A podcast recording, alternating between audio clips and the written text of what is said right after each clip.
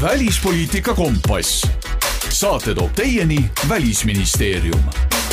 tere, hea kuulaja, Välispoliitika Kompass alustab ning tänane jututeema on otseselt ajendatud eh, viimase aja suurtest arengutest Euroopa Liidus, sest eelmisel nädalal teatas Euroopa Komisjon oma laienemisraportis, et eh, soovitab alustada nii Ukraina kui ka Moldovaga liitumisläbirääkimisi ja lisaks soovitatakse anda ka Gruusiale kandidaatliikme staatus. nii et sel teemal rääkida on meil täna külas Välisministeeriumi Euroopa osakonna peadirektor Siini Königsberg, tere päevast! Tere päevast! kõigepealt, äh, kuidas siis oli sellel päeval, kui äh, laienemisraporti soovitused tulid, kas olid väikesed rõõmuhõisked ka Välisministeeriumis, et voh, töö on tehtud töö ei ole ju tehtud tööd tuleb edasi teha, aga selline väga oluline äh, etapp sai selles mõttes ületatud, et, et me ootasime tõesti seda komisjoni äh, raportit, komisjoni soovitusi. Äh,, me toetame komisjoni soovitusi ja nüüd tuleb hakata äh, loomulikult, mitte hakata, või me, me loomulikult oleme jätkanud seda, seda edasist tööd sellega, et et nüüd järgmine etapp on jõuda konsensusele, et siis detsembrikuus kõik liikmesriigid oleksid päri äh, Ukraina ja Moldovaga liitumiskõnelist, kõneluste alustamiseks. mis see praegune seis on, kuidas tundub, kas lootus on olemas, et nüüd õige pea on detsember käes, et siis kõigil see konsensus olemas on? no lootus ikka on, aga tegelikult ju töö praegu käib ja, ja äh, liikmesriigid äh, kujundavad oma, oma seisukohti, äh, toimub palju kõnelusi, ähm, mis nüüd praegu hakkab toimuma, on see, et, et töötasandile viiakse nüüd äh, siis äh, liikmesriikide vahelised arutelud, hakkavad tööle ko-, komiteed Brüsselis, mis hakkavad koostama ähm, laienemisjäreldusi see on selline tehniline töö alguses, aga noh, selgelt on see, on see ka väga poliitiline ja siis detsembrikuuks peame me jõudma nii kaugele, et meie lootuse järgi siis äh, detsembrikuine ülemkogu äh, otsustab, et äh, me alustame liitumisläbirääkimisi äh, Ukraina ja Moldovaga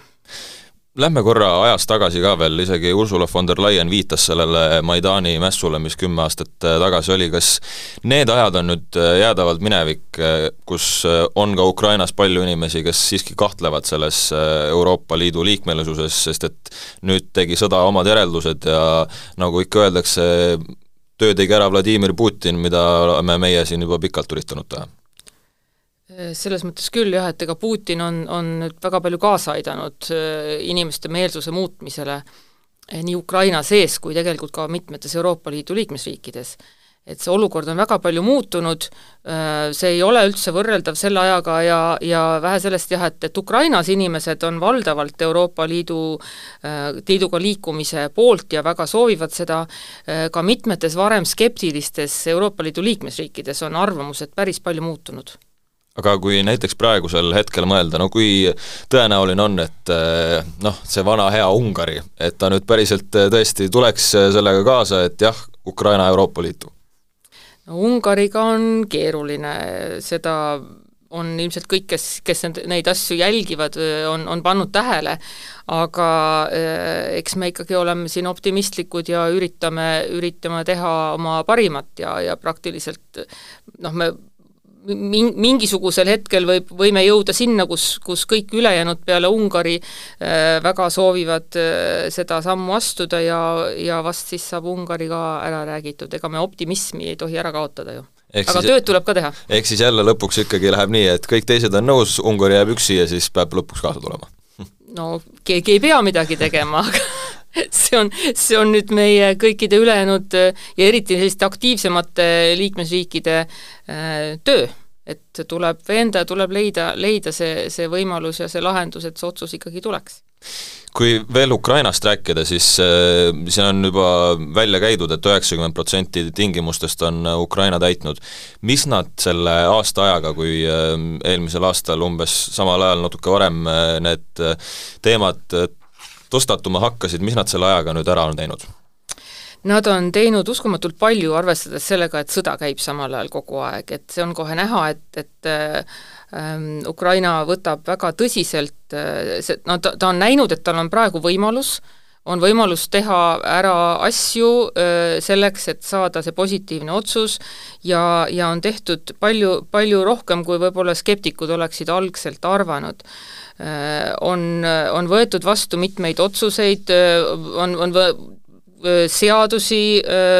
võetud, võetud vastu, Ukraina nimelt sai seitse soovitust komisjoni poolt mille alusel siis nüüd praeguse või, või mille, mille täitmise alusel äh, praegune äh, raport on vastu võetud. Ja, ja need seitse sammu olid siis seotud nii konstitutsioonikohtu kohtunike mm, valiku protseduuridega oli vaja seal saam-, selleks samme astuda, see on, on tehtud. äh, samamoodi taas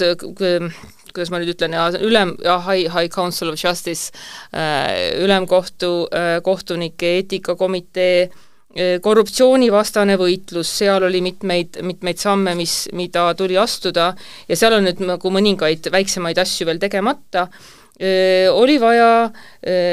oli vaja kindel,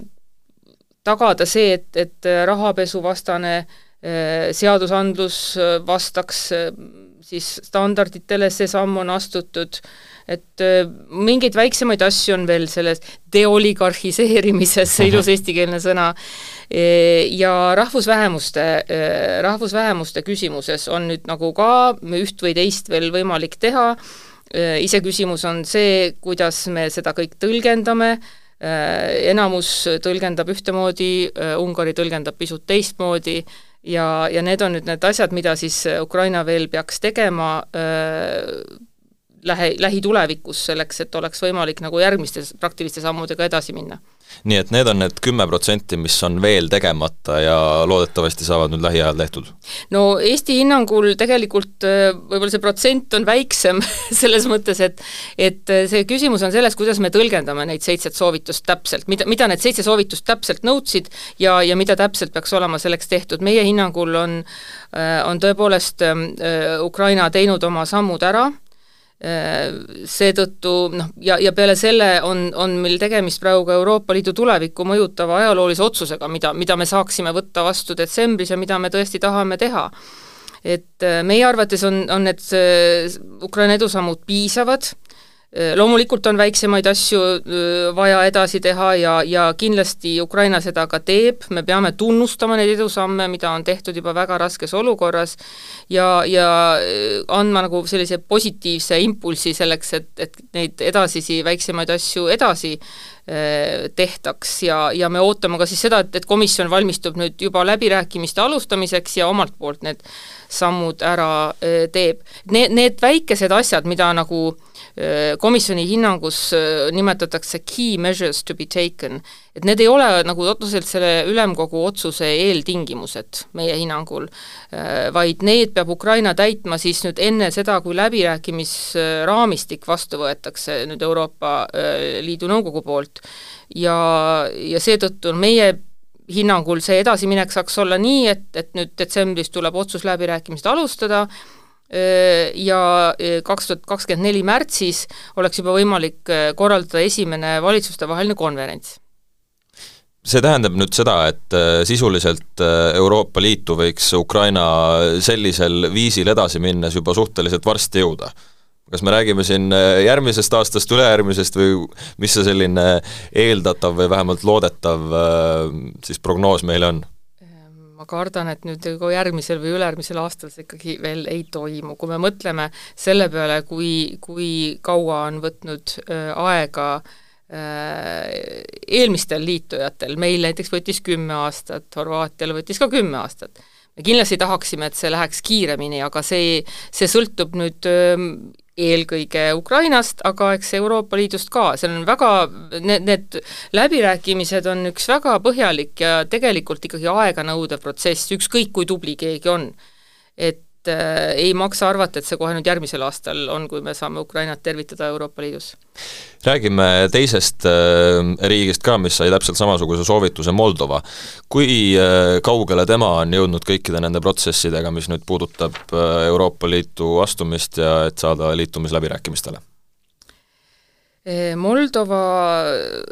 on täitnud kuus sammu üheksast, kui nüüd hakata numbritest rääkima. et Ukrainal oli seitse ja Moldoval oli üheksa. Just, eks no see sõltub ju sellest, missugused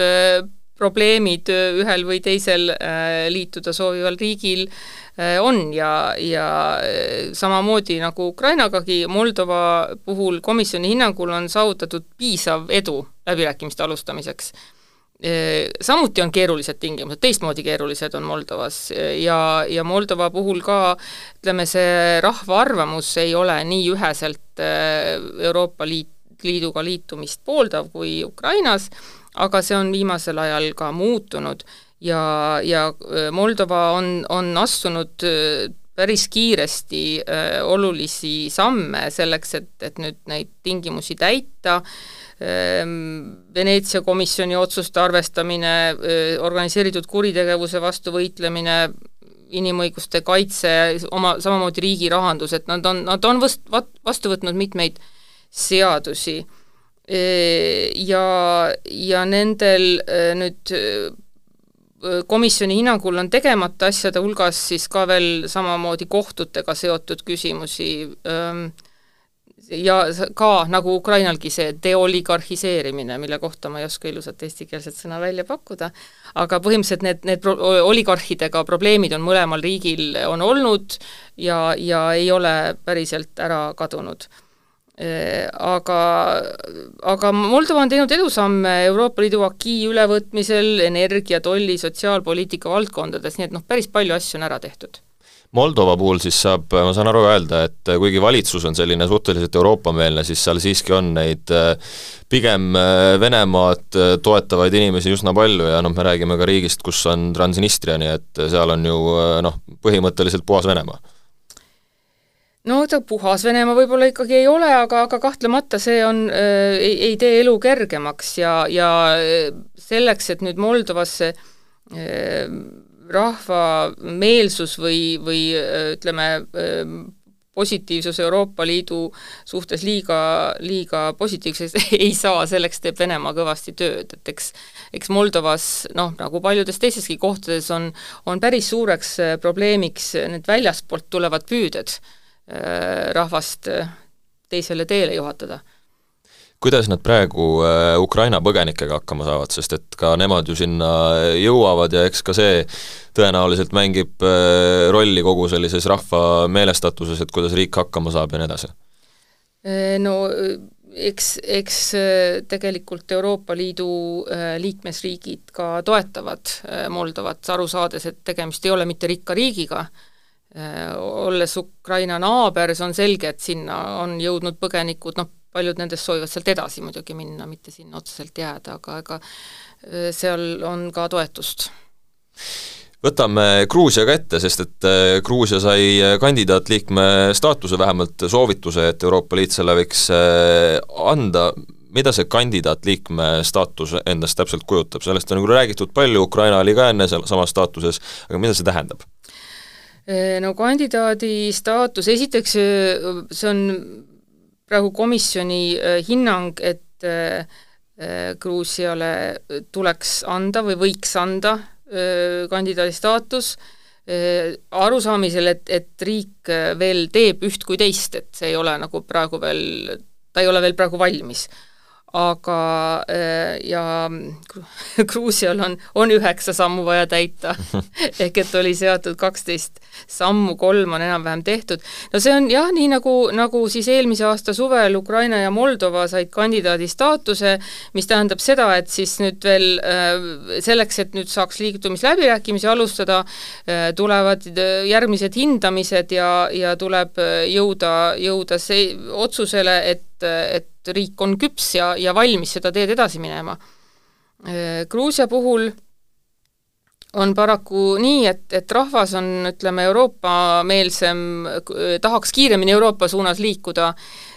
kui valitsus seda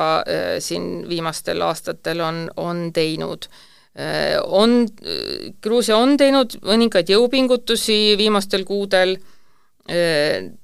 on täitnud mõned prioriteedid, mis komisjoni poolt on, on ette pandud, seal naiste õigused ja õigusmõistmises Euroopa Inimõiguste Kohtu lahendite arvestamine näiteks, aga Gruusia puhul on äh, siiski mõne, mõned, mõned sellised murettekitavad asjad on nagu tõesti see polariseerumine, mis ei lähe kuidagimoodi nagu paremaks. ja samamoodi ka Eesti, kes on kogu aeg olnud väga toetav ja, ja endiselt loomulikult toetab Gruusia liikumist Euroopa suunas äh,, siiski ei saa jätta tähele panemata neid ne negatiivseid trende äh, ja see tähendabki seda, et, et me äh, kindlasti oleme nõus komisjoni, komisjoni hinnanguga, ja samamoodi oleme valmis toetama Gruusiale kandidaadi staatuse andmist arusaamisel, et riik äh, veel siis viib ellu need komisjoni poolt seatud olulised sammud reformide teel aeg äh, lendab kiirelt, äh, räägime ka Bosnia-Hertsegoviinast, noh, kuidas nendega see seis on, sest et ka nemad on ju seda soovi ammu väljendanud, aga kuidas teod järele tulevad? Bosnia-Hertsegoviina on samuti teinud õigeid samme, aga on veel päris palju seda, mida, mida tahaks näha enne, kui, kui kandidaadi või vabandust, kui, kui liitumisläbirääkimisi alustada. kandidaadi staatuse sai Bosnia-Hertsegoviina eelmise aasta aasta lõpus ja, ja nüüd komisjoni soovut-, soovitus Bosnia-Hertsegoviinaga on, see sõnastus erineb Ukrainast ja Moldovast, selles mõttes, et et seal on öeldud, et äh, on soovitus alustada liiku-, liitumiskõnelusi siis, kui, tähendab, mitte juhul kui, vaid siis, kui, ehk et once on see sõna, mis seal sees on, et siis, kui eeltingimuste äh, täitmise osas on saavutatud äh, vajalik vastavus kriteeriumidele, selleks peab siis komisjoni hinnangul Bosnia-Hertsegoviina suurendama pingutusi nende, nendele ette antud tingimuste täitmisel. Bosnia-Hertsegoviina selgelt seal ei ole väga lihtne neid tingimusi ka täita, sellepärast et riigi siseselt on, on vastuolud, seal kahe entiteedi vahel on serblaste vabariik ja, ja horvaatide bosnialaste föderatsioon, see koostöö on nõrk, natukene isegi no mõnes, mõnes mõttes ka vastutöötav. Ja see takistab neil äh, nüüd oma, oma reformide tegemist, millest on kahju, nii et, et me loomulikult tunnustame Bosnia-Hertsegoviina saavutusi, äh, mida, mis on siiamaani tehtud, aga me näeme, et on jõupingutusi veel vaja ja ütleme nii, et Eesti seisukoht on siin kujundamisel, aga, aga kindlasti noh, need, need aspektid, mille komisjon välja toob, on meie arvates väga relevantsed tegelikult neid riike ju, kes äh, soovivad vähemal või rohkemal määral Euroopa Liiduga liituda, on äh, üsna mitu veel. kuivõrd äh, võib öelda, et seal on mingisuguseid riike, mis on ka tõesti liitumisläbirääkimistele sama lähedal, kui siin näiteks Gruusia või Bosnia-Hertsegoviina, kes peavad lihtsalt oma sammud ära tegema ja siis tõenäoliselt nad sinna liitumisläbirääkimistele saavad? No on riike, mis tegelikult juba äh, räägivad ju läbi, aga lihtsalt on kuskile ka seisma jäänud ja, ja on riike, mis on äh, nagu nii-öelda jäänud, jäänud, jäänud kuhugi seisma selliste probleemide tõttu, mida mida nagu kõrvalt ei saa keegi aidata või tähendab, me saame toetada, aga, aga nagu otseselt lahendada nende eest ei saa, siin tooks välja Kos-, Kosovo ja Serbia et nende mõlema puhul on ju, ju see äh, nõue, et äh, saab, äh, saab protsessi jätkata, kui nad omavahelised suhted normaliseerivad ja, ja see ongi küsimus, mida väga, väga jälgitakse ja mis, noh, millest üle ega ümbert ei saa. Türgiga on läbirääkimised peatatud jällegi äh, samamoodi tegemist on riigiga, mille puhul äh, oleks väga positiivne, kui kui lähenemine Euroopa Liidule toimuks, aga, aga seal on väga, väga mitmeid asju, mida, mida selleks, mitmeid samme, mida selleks oleks tarvis astuda. nüüd üks asi, mida Eesti vaatab, mis meie jaoks on oluline, nüüd kõigi nende riikide puhul, äh, kes lähenevad Euroopa Liidule või soovivad seda teha, on riikide äh, ühinemine äh, Euroopa Liidu ühise välis- ja julgeolekupoliitikaga, ehk et ütleme nii, et sanktsioonid on, on riike nende hulgas, kes seda teevad saja protsent-, sajaprotsendiliselt või ligi sajaprotsendiliselt, noh näiteks kas või Kosovo, aga on riike, eh, kus see protsent on väga madal ja kus eh, ei ole olnud näha soovi eh, seda nagu suurendada või tugevdada, näiteks nagu Serbia. ja ka Gruusia puhul on, on see tegelikult probleemiks. Ehm, erinevatel Euroopa Liidu liikmesriikidel on ka nüüd erinevaid selliseid prioriteete, mida nad eelkõige jälgivad, et noh, lõpuks peab kogu see pilt kokku tulema ja konsensuslikud on kõik need otsused, mis tuleb vastu võtta. nii et äh, laias laastus võib öelda, et äh, riik, kes on küll kõik äh, nõudmised Euroopa Komisjoni, Euroopa Liidu poolt täitnud, aga ta ei tule näiteks sanktsioonidega kaasa, siis Eesti võib siiski öelda, et kuulge, kuulge, teeme nüüd sellega korda, sest et muidu see ei ole mõeldav no see on tegelikult, see ei ole ainult Eesti ja see, see ei ole nüüd nagu ka kuidagimoodi väljapool siis seda liitumist ja ja, ja nüüd tulles tagasi meie jutu alguse juurde, kuidas see geopoliitilised, geopoliitiline pilt on täiesti muutunud tänaseks päevaks, siis seda on täiesti tunda, kuidas praktiliselt üle kogu Euroopa Liidu see arusaam, et et me oleme väärtustepõhine liit ja et kõik, kes soovivad liituda Euroopa Liiduga, peavad võtma üle, üle ka meie väärtused ja see on väga kriitilise tähtsusega, et see, see on nagu valdav, et võib-olla sellest minu meelest räägitakse praegu rohkem kui, kui kunagi varem. mis tähendab, et mitte ainult Eesti ei jälgi seda, vaid, vaid ka teised vähemalt on tõenäosus suur, et Euroopa Liit siiski äh, lähiaastatel või vähemalt sel kümnendil äh, laieneb. jaa, lootus on no selle lootuse kiirega me võime vähemalt lõpetada, et siis on teadmine olemas, et me siiski siin laieneda saame ja saame endale sõpru-liitlasi juurde. välisministeeriumi Euroopa osakonna peadirektor Siini Königsberg, suur tänu täna stuudiosse tulemast! aitäh! välispoliitika kompass. saate toob teieni Välisministeerium